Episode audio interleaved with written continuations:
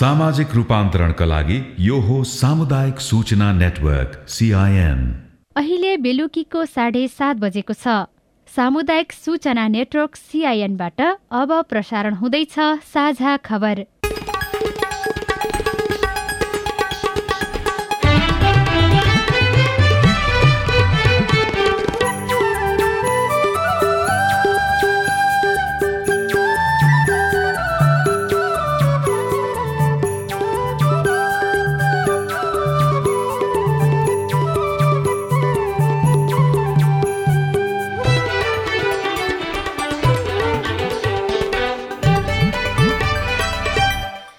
सिआइएनको साझा खबरबाट सोभिता रिसालको नमस्कार। साझा खबर देशभरिका सामुदायिक रेडियो सिआइएन खबर डट कम सिआइएनको फेसबुक पेज र मोबाइल एप सिआइएनबाट पनि सुन्न सकिन्छ।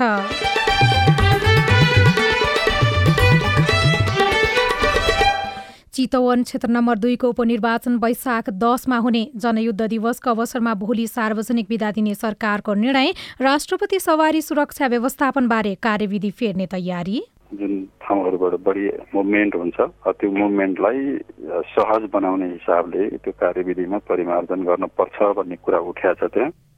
राष्ट्रिय स्वतन्त्र पार्टीलाई पुनः सरकारमा ल्याउने तयारी चालु वर्षका लागि घोषणा गरिएको बजेट कटौती दुई खर्ब चौध अर्बको संशोधित अनुमानित बजेट सार्वजनिक सरकारको निर्णय सकारात्मक भएको अर्थविदहरूको टिप्पणी। खर्च घटाउँदा कसरी घटाउने कुरो भन्ने कुरा चाहिँ छ सरकारले चाहिँ ठिकै ल्याएको जस्तो लाग्छ पछिल्लो समय कुरा चाहिँ। कोरोना विरुद्धको बुस्टर मात्रा लगाउनेको संख्या कम। कैलालीको गेटामा स्वास्थ्य विश्वविद्यालय बनाउने सरकारको निर्णय। पछिल्लो पाँच वर्षमा नेपालमा भ्रष्टाचार विरुद्ध गरिने उजुरी पनि बढ्यो। स्थानीय तहका उजुरीहरू अलिकति बढाएका छन् अनि शिक्षा स्वास्थ्य लगायतका कुराहरू पनि छन्। विद्यालयका खाजा लगायतका कुराहरूले त्यस्तो खालको उजुरीहरू बढाएको छ र टर्कीमा भूकम्पमा भत्किएका भवनहरू निर्माण गर्ने ठेकदार पक्राउ।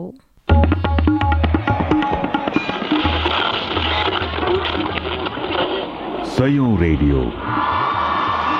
हजारौं रेडियो कर्मी र करोडौं नेपालीको माझमा यो हो सामुदायिक सूचना नेटवर्क सिआइएन सेना प्रहरी सरकारी कर्मचारी मात्रै होइन सबै क्षेत्रका सेवाग्राहीले संविधान अनुसार निर्मित कानूनको अधीनमा रहेर आफ्नो कार्य सम्पादन गर्ने हो। अस्ति शुक्रबार राष्ट्रपति विद्यादेवी भण्डारीको सवारी र त्यसले उत्पन्न परिस्थिति अनि प्रहरी हवलदारद्वारा डाक्टर कुटिएको विषय आजसम्म पनि चर्चामा छ। प्रहरी हवलदारले पनि प्रचलित कानूनको परिपालना गरेका हुन् तर उनी नै निलम्बनमा परे। अब यस्ता विवादित कानूनमा नै परिमार्जन गर्नुपर्छ जसबाट एकै संवैधानिक प्रणालीभित्र रहेर शासक र शोषितको अनुभव हुनु परोस् अब खबर अविनाश आचार्यबाट प्रतिनिधि सभा अन्तर्गत चितवन क्षेत्र नम्बर दुईको उपनिर्वाचन वैशाख दस गते हुने भएको छ। निर्वाचन आयोगले आज उपनिर्वाचनको मिति तय भएको जानकारी गराएको छ। आयोगको आज बसेको बैठकले प्रतिनिधि सभा सदस्य निर्वाचन ऐन दुई हजार चौहत्तरको दफा चौ दफा अडसट्ठी बमोजिम दुई हजार अस्सी साल वैशाख दस गते प्रतिनिधि सभा सदस्यका लागि उपनिर्वाचन गर्ने निर्णय गरेको आयोगका प्रवक्ता शालिग्राम शर्मा पौडेलले बताउनुभयो।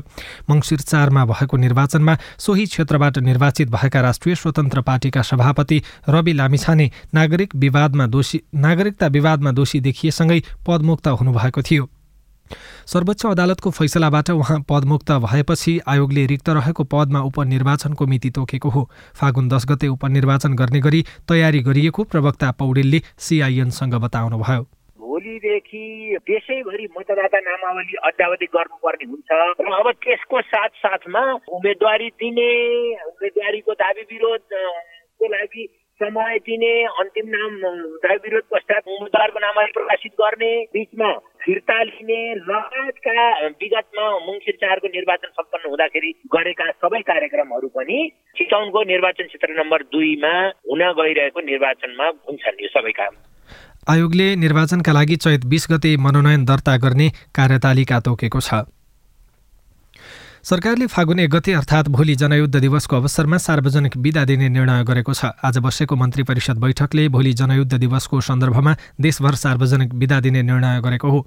दुई हजार बाहन्न फागुन एक गतेबाट सुरु भएको सशस्त्र युद्ध दुई हजार त्रिसठी मङ्सिर पाँच गते विस्तृत शान्ति सम्झौतामा रूपान्तरण भएको थियो। त्यही युद्धको जगमा नेपालमा राजनैतिक परिवर्तन सम्भव भएको गणतन्त्र सङ्घीय प्रणाली समावेशी लोकतन्त्र सामाजिक न्याय जस्ता उपलब्धि सशस्त्र युद्ध र जनआन्दोलनको बलमा नै स्थापित भएको माओवादीको दावी छ। माओवादी केन्द्रकै नेतृत्वको सरकार भएको मौकामा सरकारले सार्वजनिक विदा दिने निर्णय गरेको हो। सरकारको निर्णयमा सत्ता साझेदार दल राष्ट्रिय प्रजातन्त्र पार्टीका मन्त्रीहरूले भने असन्तुष्टि जनाएका छन्। राष्ट्रपति विद्यादेवी भण्डारीको सवारीका लागि गरिएको सुरक्षा व्यवस्थापनबारे चर्को विवाद भएपछि सरकारले त्यस सम्बन्धी कार्यविधि नै फेर्ने भएको छ। अस्ति शुक्रबार संसदलाई सम्बोधन गरेर बानेश्वरबाट फर्किने क्रममा डाक्टरहरूलाई समेत सडकमा हिँड्न नदिएको भन्दै विरोध भएको थियो। त्यसको विरोध स्वरूप नेपाल चिकित्सक सङ्घले सेवा नै बन्द गरेर आन्दोलनमा उत्रिएपछि सरकार विशिष्ट व्यक्तिहरूको सुरक्षा व्यवस्थापन कार्यविधि दुई हजार सतहत्तरलाई परिमार्जन गर्न तयार भएको हो। कार्यविधि परिमार्जनका लागि एक साताभित्रमा सुझाव पेश गर्ने र सुझावलाई तत्काल कार्यान्वयनमा लैजाने सहमति भएको छ। यससँगै विशिष्ट व्यक्तिको सवारीमा सुरक्षा व्यवस्थापन गर्दा बिरामी आम नागरिक र स्वास्थ्य संस्था तथा विद्यालय लगायतका संवेदनशील संस्था क्षेत्रहरूमा असहजता नहुने गरी कार्यविधि परिमार्जन गर्न लागि गृह मन्त्रालयका प्रवक्ता जितेन्द्र बस्नेतले सिआइएनसँग बताउनुभयो। राजकीय भ्रमण र विशिष्ट व्यक्तिहरूको सवारी व्यवस्थापनका सम्बन्धमा पनि छलफल भएको थियो र त्यो विषयमा एउटा निर्णय परेको छ। त्यो निर्णयमा चाहिँ अहिले भइराखेको यो विशिष्ट व्यक्तिहरूको सवारी व्यवस्थापन सम्बन्धी कार्यविधिमा भएका प्रावधानहरूलाई विशेष गरी स्वास्थ्य संस्था शिक्षण संस्था चिकित्सक विद्यार्थीहरू जो चाहिँ जुन ठाउँहरूबाट बढी मुभमेन्ट हुन्छ त्यो मुभमेन्टलाई सहज बनाउने हिसाबले त्यो कार्यविधिमा परिमार्जन गर्नुपर्छ भन्ने कुरा उठ्या छ त्यहाँ। त्यही अनुसारै हामी अब अध्ययन गर्दैछौँ। अब कार्यविधि संशोधनको प्रक्रिया चाहिँ कहिलेबाट अगाडि बढ्छ? अब आजैबाट त्यो सुरु भइसकेको छ। राष्ट्रिय स्वतन्त्र पार्टीलाई पुनः सरकारमा ल्याउने तयारी भइरहेको छ। गृह मन्त्रालय नपाएको भन्दै राजसपा सरकारबाट बाहिरिएपछि गठबन्धनभित्र असन्तुष्टि देखिएको थियो। नेकपा एमालेका अध्यक्ष केपी शर्मा ओलीले नै राजसपालाई गृह मन्त्रालय दिन कुनै समस्या नरहेको बताउँदै आउनु भएको छ। यसमा अर्को दल राष्ट्रिय प्रजातन्त्र पार्टी पनि सहमत छ तर प्रधानमन्त्री पुष्पकमल दाहाल प्रचण्डले पार्टीभित्रबाट दबाव आएको भन्दै गृह मन्त्रालय आफैले राख्ने बताएपछि राजसपा सरकारबाट बाहिरिएको थियो। तर उसले सरकारलाई दिएको समर्थन भने कायमै राखेको छ। आज बसेको उच्चस्तरीय संयन्त्रको बैठकमा रासोपालाई पुनः सरकारमा ल्याउने विषयमा छलफल भएको थियो।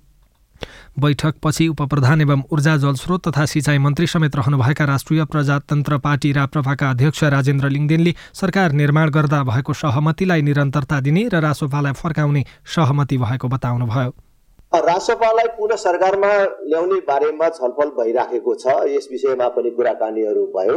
उपयुक्त समयमा राष्ट्रपा सरकारमा आउनु पनि सक्छ र त्यसको बारेमा केही प्राविधिक समस्याहरू छन् छलफल भइराखेको छ। यसलाई निरन्तरता दिने भन्ने कुरा भएको छ। खास गरी अहिलेसम्म सरकारले गरेका काम कारवाहीहरूको बारेमा र आपसी समन्वयको बारेमा कहाँ के कमी कमजोरी रह्यो भन्ने विषयमा समीक्षाहरू भयो र आगामी दिनमा अझ मजबुत ढङ्गले यो सहकार्यलाई अगाडि बढाएर लैजाने भन्ने सहमति भएको छ।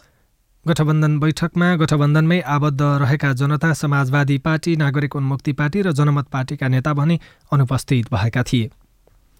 चालु आर्थिक वर्षका लागि गत जेठमा घोषणा गरिएको बजेटमा उपप्रधान एवं अर्थमन्त्री विष्णु पौडेलले मध्यावधि समीक्षा मार्फत कटौती गर्नुभएको छ। तत्कालीन अर्थमन्त्री जनार्दन शर्माले चालु आर्थिक वर्षका लागि सत्र खर्ब त्रियानब्बे अर्बको बजेट ल्याएकोमा अर्थमन्त्री पौडेलले मध्यावधि समीक्षा मार्फत पन्ध्र खर्ब उनपचास अर्ब रुपियाँमा झार्नु भएको हो। अर्थमन्त्री पौडेलले आज प्रतिनिधि सभा बैठकमा मध्यावधि समीक्षाको जानकारी दिँदै अर्थतन्त्रमा चुनौती देखिएकाले खर्च कटौती गर्नु परेको बताउनुभयो। अर्थतन्त्रको विद्यमान प्रवृत्ति आकलन गर्दा आठ प्रतिशतको आर्थिक वृद्धि दर हासिल गर्ने चालु वर्षको लक्ष्य पूरा हुने देखिँदैन। उत्पादनमूलक उद्योगहरू पूर्ण क्षमतामा सञ्चालन हुन नसकिरहेकोले आर्थिक गतिविधिमा सुस्तता आएको देखिन्छ। आर्थिक वर्ष दुई हजार उनासी असीमा मुद्रास्फीतिलाई सात प्रतिशतको सीमाभित्र राख्ने लक्ष्य रहेकोमा दुई हजार उनासी पुस मुसान्तसम्म आइपुग्दा उपभोक्ता मूल्य सूचकाङ्कमा आधारित वार्षिक बिन्दुगत मुद्रास्फीति सात दशमलव दुई छ प्रतिशत रहेको छ। अर्थविदहरूले भने मध्यावधि समीक्षा मार्फत बजेट कटौती गर्नुलाई सकारात्मक रूपमा लिनुपर्ने बताएका छन्। राजस्व सङ्कलन कम भएका बेला सरकारको आमदानी समेत घटेको र विदेशी मुद्रा सञ्चिति समेत घटिरहेका बेला सरकारले खर्च घटाउनु स्वाभाविक भएको अर्थविद डाक्टर शिवराज अधिकारीले सिआइएनसँग बताउनुभयो। राजस्व जब चाहिँ कम उठिरहेछ त्यो सङ्कुचनको कारणले कम उठेपछि त हामीले चाहिँ खर्च त घटाउनै पर्यो नि। तर खर्च घटाउँदा कसरी घटाउने कुरो भन्ने कुरा चाहिँ छ। सरकारले चाहिँ ठिकै ल्याएको जस्तो लाग्छ पछिल्लो समय कुरा चाहिँ। के भन्दा हामीले खर्च घटाउँदा पनि दैनिक चाहिँ कार्यक्रमहरू अथवा चाहिँ जनतालाई दिने सेवाहरूमा कमी नआउने र सम्पन्न हुन गइरहेका प्रोजेक्टहरूलाई चाहिँ प्राथमिकतामा राखेर गर्नुपर्छ। जुन चाहिँ सुरु भएको छैन त्यसलाई चाहिँ कटौती गरियो भने ठिक छ। हाम्रो देशमा कस्तो छ भन्नुहुन्छ भने यस साल चाहिँ खर्च अलिकता गरिएन। अर्को साल नराख्ने चलन छ। त्यो नियम छ भनिन्छ बहुवर्षीयमा। हो त्यसलाई चाहिँ हटाउन खोजिरहेको जस्तो छ। त्यो चाहिँ स्वागत योग्य कुरा हो? पछिल्लो पाँच वर्षमा नेपालमा भ्रष्टाचार विरुद्ध गरिने उजुरी चौबिस दशमलव आठ पाँच प्रतिशतले बढेको छ। अख्तियार दुरुपयोग अनुसन्धान आयोगले पछिल्लो समय गैर कानुनी सम्पत्ति आर्जन र नक्कली शैक्षिक प्रमाणपत्रसँग सम्बन्धित उजुरीहरू उल्लेख्य रूपमा बढेको जनाएको छ। त्यस्तै तिनै तहका शिक्षा स्वास्थ्य कृषि खानेपानी लगायत संवेदनशील क्षेत्रमा सरकारी स्रोतको हानि नोक्सानी र दुरुपयोग गरिएका उजुरीहरू बढ्दो रूपमा रहेका छन्। पछिल्लो समय ढुङ्गा गिटी बालुवाको अनुचित उत्खनन एवं दोहनका उजुरी पनि बढिरहेका छन्। अहिले अख्तियारमा त्यस्ता प्रकृतिका सात हजार एक सय बैसठीवटा उजुरी छानबिनको क्रममा रहेको आयोगका प्रवक्ता श्याम प्रसाद भण्डारीले सिआइएनसँग बताउनुभयो। स्थानीय तहसँग मान्छेहरूको डे टु डे सम्पर्क हुने उपभोक्ता समिति मार्फत काम गर्ने हुँदाखेरि काम सँगसँगैको अनियमितताको जानकारी पनि हुने भयो।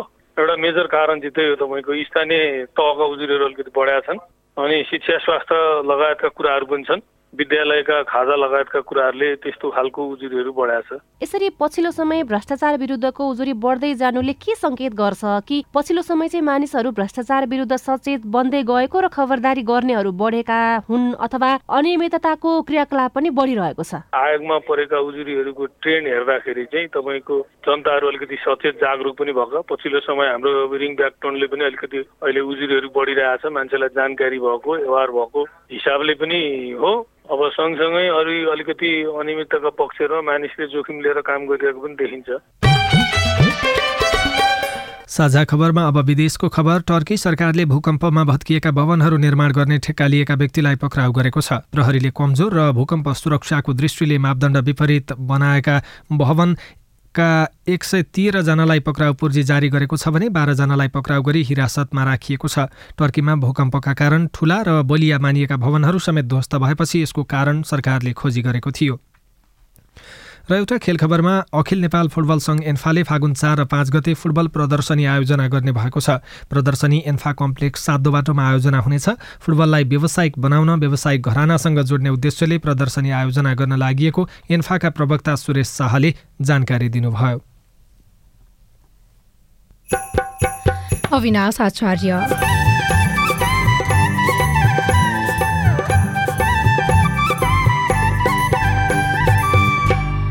फलफुलको बिरुवा उत्पादन भयो तर बिक्री भएन। आउँदो वर्षको लागि बिरुवाहरू उत्पादन गर्ने सोचमा थिएँ। अब गत वर्षको बिरुवा यसै छ भनेपछि अहिले फेरि जोड्ने कि नजान्ने भनेर तनावमा जान्छु। बाजुराका नर्सरी किसानको गुनासो रिपोर्ट। दादुराका कारण र उपचार हाम्रो पालो लगायतका सामग्री बाँकी नै छन्। सिआइएनको साझा खबर सुन्दै गर्नुहोला। बारम्बार खडेरी र आधी बेरी आउँदा उठी बास भएको बेला कहाँ जाउँला के खाउला? सुक्खा ठाउँमा बाँच्न सक्ने बोट बिरुवा रोपौँ खाली ठाउँमा हरियाली बाढी पहिरो रोकाउँ कृषि भूमि व्यवस्थापन विकास कार्य गर्दा राम्रो हुन्छ गाउँ घर ज्ञान सिप जोड्दा। घाँसे मैदान चरण क्षेत्र पानी कामुल जोगाउँ। पशुपालन कृषि गरी छोरा छोरी पढाउँ। परिवर्तन हुँदा नि जलवायु बाँच्न मिल्छ जीवनको सत आयो बाँच्न मिल्छ जीवनको सत आयो बाँच्न मिल्छ जीवनको सत आयो।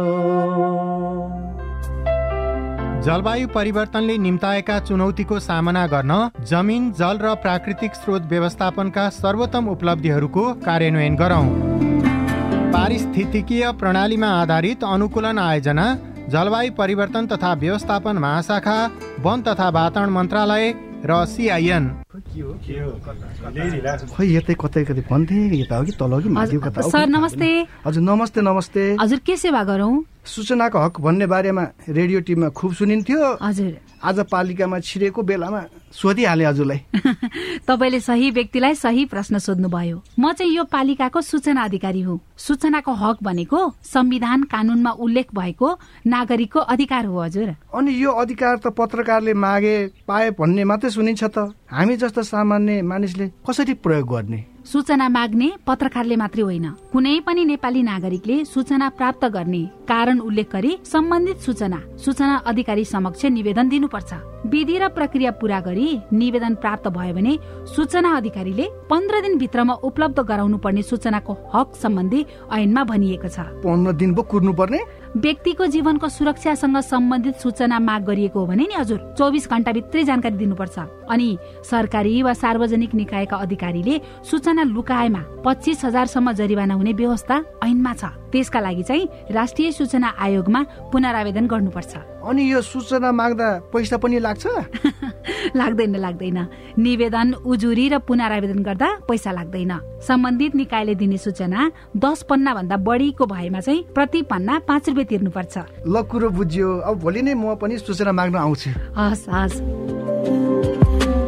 अस्ट्रेलिया सरकार र द एसिया फाउन्डेसनको साझेदारीमा सञ्चालित स्थानीय सरकार सबलीकरण कार्यक्रम र अकोराब नेपाल। सामाजिक रूपान्तरणका लागि यो हो सामुदायिक सूचना नेटवर्क सिआइएन तपाईँ सामुदायिक सूचना नेटवर्क सिआइएनले तयार पारेको साझा खबर सुन्दै हुनुहुन्छ। गत पाँच महिनामा नेपालमा कोरोना विरुद्धको बुस्टर मात्रा अर्थात् थप अतिरिक्त मात्रा खोप लगाउनेको संख्या जम्मा चार प्रतिशतले मात्रै बढेको छ। गत भदौमा कोरोना विरुद्धको दुवै मात्रा खोप लगाएका कुल जनसङ्ख्याको चौतिस प्रतिशतले खोप लगाएकोमा हाल भने अडतिस प्रतिशतले मात्रै बुस्टर मात्रा खोप लगाएका छन्। सरकारले कैलालीको गेटामा शहीद दशरथ चन्द स्वास्थ्य विज्ञान विश्वविद्यालय सञ्चालन गर्ने भएको छ। आज बसेको मन्त्री परिषद बैठकले गेटामा सरकारी लगानीमा निर्माण भएको संरचनामा स्वास्थ्य विज्ञान सम्बन्धी विशिष्टीकृत विश्वविद्यालयको रूपमा शहीद दशरथ चन्द राष्ट्रिय स्वास्थ्य विज्ञान विश्वविद्यालय स्थापना तथा सञ्चालन गर्ने निर्णय गरेको हो। बाजुरामा मात्रै सातवटा नर्सरी रहेका छन् जहाँ बाजुराको हावापानी सुहाउँदो फलफुलका बिरुवा पाइन्छ। स्थानीय स्तरमा नै बिरुवा उत्पादन हुने भए पनि बिक्री भने हुने गरेको छैन। स्थानीय तहले स्थानीय स्तरमा उत्पादनमा सक्रिय नर्सरी सञ्चालकसँग समन्वय नै नगरी अनुदानमा किसानलाई बिरुवा वितरण गरेपछि नर्सरीमा भएको लगानी खेर गएको छ।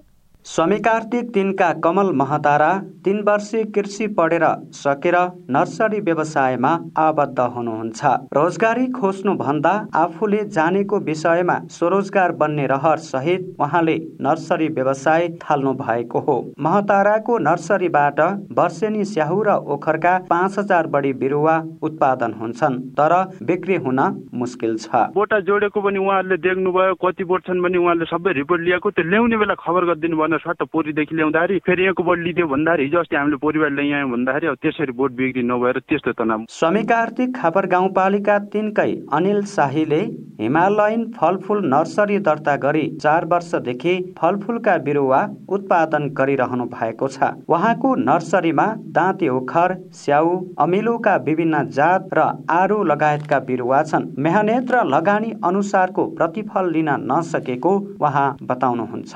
दुई तिन हजार बिरुवा अहिले चाहिँ नर्सरीमै छ यो वर्ष चाहिँ नर्सरीमै रहन्छ कि भन्ने कुरामा चाहिँ एकदम चिन्तित चाहिँ छौँ। नर्सरी सञ्चालकका अनुसार ब्याडमा उमारेको बिरुवा कम्तीमा दुई वर्षभित्र रोपिसक्नुपर्छ। कलमी गर्ने हो भने एक वर्षभित्र बिरुवा ब्याडबाट उठाइसक्नुपर्छ। समयमा हुर्किएका बिरुवा समयमा रोप्न सकिएन भने पछि नसर्ने सुक्दै जाने भरिलो नहुने र हुर्काउन कठिन हुने हुन्छन्। तर कोल्टीको नुवागर नजिकै डिभिजन वन कार्यालयको नर्सरीमा हुर्किएका दुई हजार बढी बिरुवा तीन वर्ष यता ब्याडमै थन्किएका छन्। वनरक्षक विषया रोकाया। बाहिरबाट का बिरुवाहरू प्रायले जसो लिने भएकाले अनि यहाँ भएका बिरुवाहरूलाई प्राथमिकता अलिक कम दिने गरिरहेको अवस्था छ। अनि त्यसले गर्दाखेरि यहीँकै लोकल बिरुवाहरूले प्रायः जसो लिन मान्दैनन्। बाजुराका नर्सरी सञ्चालकले उत्पादन गरेका बिरुवा जिल्ला बाहिर निर्यात हुन सकिरहेका छैनन् भने जिल्लाभित्र पनि माग कम छ। अर्कोतिर स्थानीय तहले अनुदानमा किसानलाई बिरुवा वितरण गर्ने र ती बिरुवा जिल्ला बाहिरबाटै ल्याउन थालेपछि जिल्लाभित्र सञ्चालनमा रहेका नर्सरी घाटामा जान थालेका हुन्। फलफुल जोन समन्वय समितिका अध्यक्ष मन बहादुर रोकाया। जगन्नाथ गाउँपालिकाबाट दस हजार जति ओखर ल्याएर फेरि चिसनमा राखेर आउँदो वर्षको लागि बिरुवाहरू उत्पादन गर्ने सोचमा थिएँ। अब गत वर्षको बिरुवा यसै छ भनेपछि अहिले फेरि जोड्ने कि नजान्ने भनेर तनावमा जान्छु। कृषि ज्ञान केन्द्र बाजुराका अनुसार जिल्लामा सातवटा नर्सरी छन्। ती नर्सरीबाट कति फलफुलका बिरुवा उत्पादन हुन्छन् एकिन तथ्याङ्क छैन। बिरुवा र बिउमा जिल्लालाई आत्मनिर्भर बनाउने लक्ष्य भए पनि तालमेल नमिल्दा समस्या भएको कृषि ज्ञान केन्द्र बाजुराका सूचना अधिकारी मिन प्रसाद जैसी बताउनुहुन्छ। उहाँहरूले पनि समयमै मसँग यो फलफुलको यो जातको यति बिरुवा उपलब्ध छ भनेर कृषि शाखा र ज्ञान केन्द्रमा उहाँहरूले जानकारी गराइदिनु भयो भने त्यो बिरुवाको कहाँ के कसरी खपत हुन्छ भन्ने कुरा त त्यो सम्बन्धमा हामीले मिलाउँछौँ त्यसमा समस्या हुँदैन। स्थानीय तहदेखि विभिन्न निकायले महँगो मूल्यमा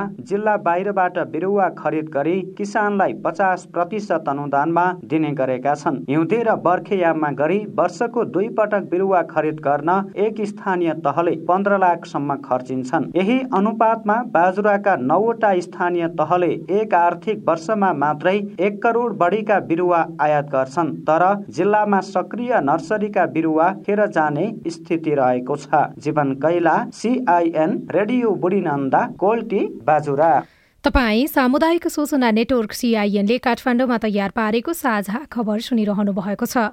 दादुरा फैलनुको कारण र नियन्त्रणको उपाय? दादुरा महामारी रोग आइरहेछ। यसले भोलि गएर महामारीको रूपमा फैलिने हो कि के हो? यो दादुरा भनेको अहिले नेपालगञ्जबाट सुरु भएर छेउछाउका जिल्लाहरूमा सरेको छ। नागरिकको प्रश्नमा स्वास्थ्य मन्त्रालयका प्रवक्ताको जवाफ हाम्रो पालो बाँकी नै छ। सिआइएनको साझा खबर सुन्दै गर्नुहोला। बाल विवाह विरुद्ध धर्मगुरुहरूको प्रतिबद्धता। वैदिक साहित्यमा बाल विवाह छैन। बाल विवाह हाम्रो मण्डली अन्तर्गत भएको छैन। हाम्रोमा बाल विवाह हुँदैन। यो मुद्दुमले भनेको कुरा हो र हाम्रो व्यवहारमा त्यस्तो नै छ।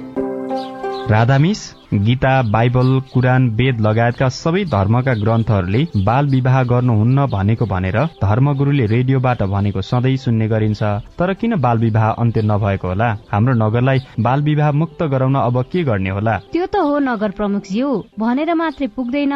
सबै धर्मका धर्मगुरुहरूले म बाल विवाह गराउने काममा संलग्न हुन्न भनेर प्रतिबद्धता जनाउने र अरूलाई पनि त्यस्तै सिकाउने कार्य गर्न सके मात्रै त्यो कार्य प्रभावकारी हुन्छ।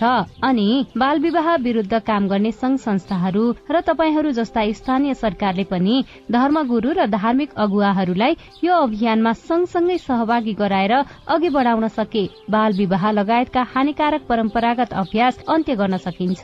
हुन्छ राधा मिस म त्यसै गर्छु। ओल्ड भिजन इन्टरनेसनल नेपाल र अकुराब। नेपाल टेलिकमको सूचनाको संसार। होइन के सुनेको यस्तो ध्यान दिएर दोहोरो बोलेको जस्तो नि देख्दिन। तिन दुई एक शून्य शून्य क्या? तिन दुई एक शून्य शून्य? के हो त्यो भने? बुझिन त। ल सुन एनटिसी प्रयोगकर्ताहरूले आफ्नो मोबाइल तथा ल्यान्डलाइनमा तिन दुई एक शून्य शून्य डायल गरी समाचार रेडियो कार्यक्रम खेल र अन्य विषयबारे सन्देशहरू जुनसुकै बेला निशुल्क सुन्न सक्छन्। ओहो निशुल्क? कस्तो सजिलो। समाचार सुन्न छुट्यो भनेर पिर लागेको थियो। अब त म पनि सुनिहाल्छु। कति रे? तिन दुई एक शून्य शून्य। सामाजिक रूपान्तरणका लागि यो हो सामुदायिक सूचना नेटवर्क सिआइएन तपाईँ सामुदायिक सूचना नेटवर्क सिआइएनले काठमाडौँमा तयार पारेको साझा खबर सुनिरहनु भएको छ। साझा खबरमा अब प्रस्तुत छ साप्ताहिक श्रृङ्खला हाम्रो पालो।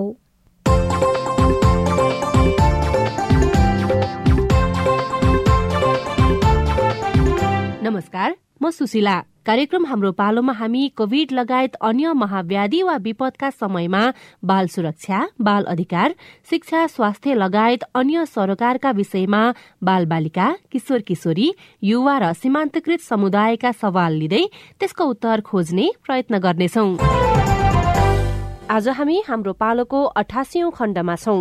सन् दुई हजार तीसभित्र नेपालबाट दादुरा संक्रमण निर्मूल गर्ने सरकारको लक्ष्य छ। तर गत एक महिनामा दादुराबाट तीन सय तीसजना भन्दा बढ़ी संक्रमित भएका छन् भने एकजनाको मृत्यु पनि भइसकेको छ। दादुरा संक्रमण नियन्त्रण र यसबाट बच्न अपनाउनु पर्ने सावधानीका विषयमा नागरिकका जिज्ञासा आजको कार्यक्रममा समावेश गर्दैछौ भने कोरोना खोप बारेका जिज्ञासा पनि समेटेका छौं। जसको जवाफ दिँदै हुनुहुन्छ स्वास्थ्य तथा जनसंख्या मन्त्रालयका प्रवक्ता डाक्टर सञ्जय कुमार ठाकुर। नमस्कार म मनोज। हाम्रो यो अहिले दादुरा महामारी रोग आइरहेछ। यसले भोलि गएर महामारीको रूपमा फैलिने हो कि के हो यसमा बस्नुलाई के छ सुरक्षा यस्तो केही भन्न सकिन्छ। यो दादुरा भनेको अहिले नेपालगञ्जबाट सुरु भएर छेउछाउका जिल्लाहरूमा सरेको छ। बाँके बर्दिया सुर्खेतसम्म सरेको हामीले तथ्याङ्क पाएका छौँ। तिन सय पचासभन्दा बढी अस्सी जति हो जम्मा केस पत्ता लागेको। त्यसमा एकजनाको दुःखद मृत्यु भएको। तर सुरुवातदेखि नै डब्लुएचओ युनिसेफ स्वास्थ्य मन्त्रालय स्थानीय सरकारदेखि लिएर सङ्घ संस्था सम्पूर्णको सामूहिक सहयोग र सहकार्यमा यसलाई नियन्त्रण गर्ने उपायहरू गरियो र अहिले धेरै हदसम्म कन्ट्रोलमा छ। यो महामारी हुन्छ हुँदैन भन्दा पनि हामीले खोप लिन छुटाउनु हुँदैन। आफ्ना बालबालिकाहरूलाई समय पुगेको बेलामा स्थानीय स्वास्थ्य संस्थामा गएर खोप चाहिँ नै लगाउनु पर्छ। खोप लगाएन भने जुन बेला पनि यो धेरै फैलिने खालको रोगमा परिणत हुन सक्छ र महामारी हुने सम्भावना हुन्छ। मेरो नाम कल्पना दादुराहरू अब यसको उपचार अब यो मेडिकलको दबाईले भन्दा पनि अब घरै आइसी दबाईले निको भएछ भन्ने उस खबर सुनिरहेको थिएँ। निमहरू भयो निमको पातहरू भयो अब यस्तै अब जडीबुटीहरू हुन्छ नि बेलौतीको जरा भयो त्यो थिचेर खाइरहेको अनुभव बताउनु भएको थियो उहाँले मलाई। होइन दादुरा भनेको एउटा भाइरसले लाग्ने रोग हो मिजल्स भाइरस भन्छ यसलाई। अब दादुराको खासै भन्ने हो भने यो भाइरस मार्ने औषधिहरू प्रायः छैन। अब त्यही भएर आफै ठिक हुने रोग हो। यसमा बरु केही जथाभावी अवधि गरेन भने धेरै जटिलता आउँदैन। आफै पाँच सात दिन दस दिनमा ठिक हुन्छ। यदि जटिलता उत्पन्न भयो भने रोगले पनि उत्पन्न गराउँछ अथवा अरू केही हानिकारक के केही केमिकल अथवा औषधिहरू अथवा यताउतिको प्रयोग भयो भने हो। त्यही भएर यो जडीबुटी भन्दा पनि आफै ठिक भएको हुन सक्छ। तर घरेलु उपचारहरू गर्न सकिन्छ। ज्वरो आएपछि सिटामोल खुवाउने लक्षणको आधारमा उपचार गर्ने पखाल लाग्यो भने त्यसको उपचार गर्ने पानीको कमी हुन नदिने भिटामिन ए खुवाउने भिटामिन ए कमी नहुने निमोनिया भयो भने निमोनियाको एन्टिबायोटिक अब सबैलाई चाहिँदैन कसैलाई चाहिन्छ। कसै कसैलाई कम्प्लिकेसन भयो भने अब कडा खालको इन्सेफलाइटिस दिमागको ज्वरो आउन सक्छ अथवा कान पाक्ने हुन सक्छ। त्यो जे हुन्छ त्यो अनुसारको डाक्टरी उपचार चाहिँ गर्ने। तर यताउति लाग्नु अथवा धेरै अन्धविश्वासमा पर्नु भयो भने झन् जटिलता उत्पन्न हुने सम्भावना सम्भावना हुन्छ र रोग झन् कडा रूप लिन सक्छ र मृत्यु हुने सम्भावना हुन्छ। त्यही भएर यसलाई आफै ठिक भएको हुन सक्छ आफै पनि ठिक हुन्छ धेरै जसोमा त्यहाँ सुसार गर्यो। नमस्कार मेरो नाम नवीन म कैलालीबाट दादुरा रुबेला रोग बिचको फरक के छ?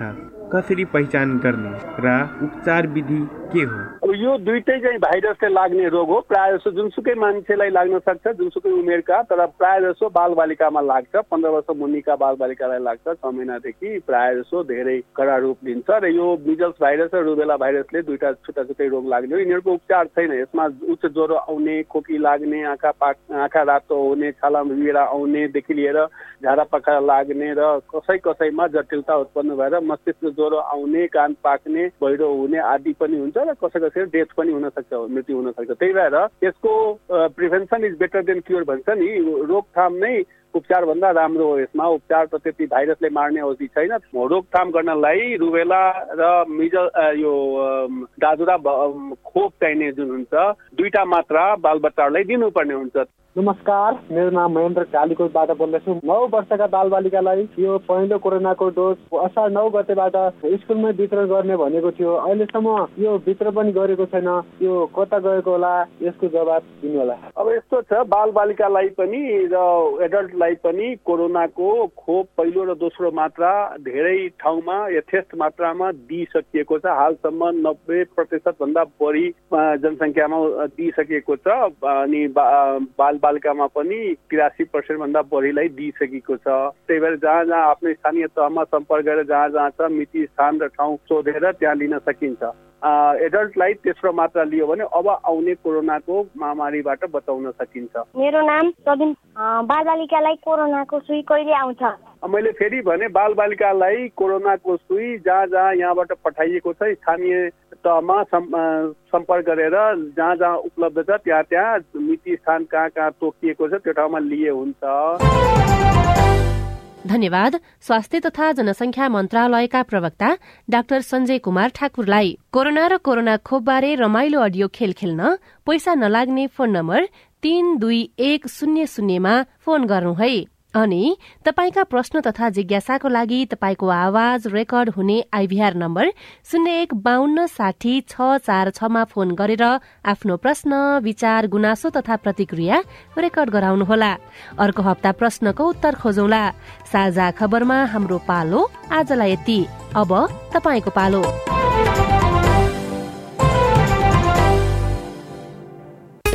वन क्षेत्र नम्बर दुईको उपनिर्वाचन वैशाख दसमा हुने भएको छ। जनयुद्ध दिवसको अवसरमा बहुली सार्वजनिक विदा दिने निर्णय सरकारले गरेको छ। राष्ट्रपति सवारी सुरक्षा व्यवस्थापनबारे कार्यविधि फेर्ने तयारी पनि भइरहेको छ।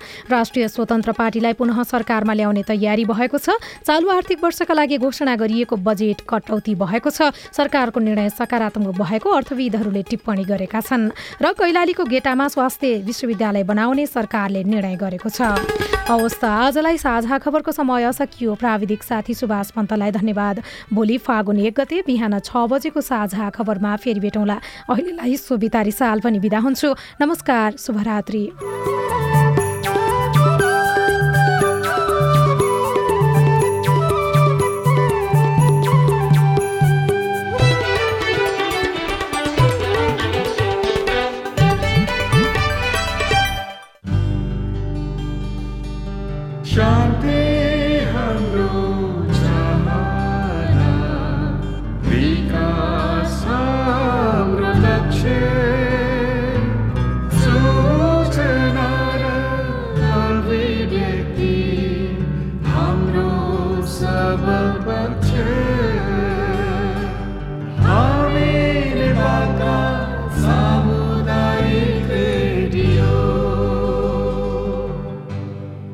सामाजिक रूपान्तरणका लागि यो हो सामुदायिक सूचना नेटवर्क सिआइएन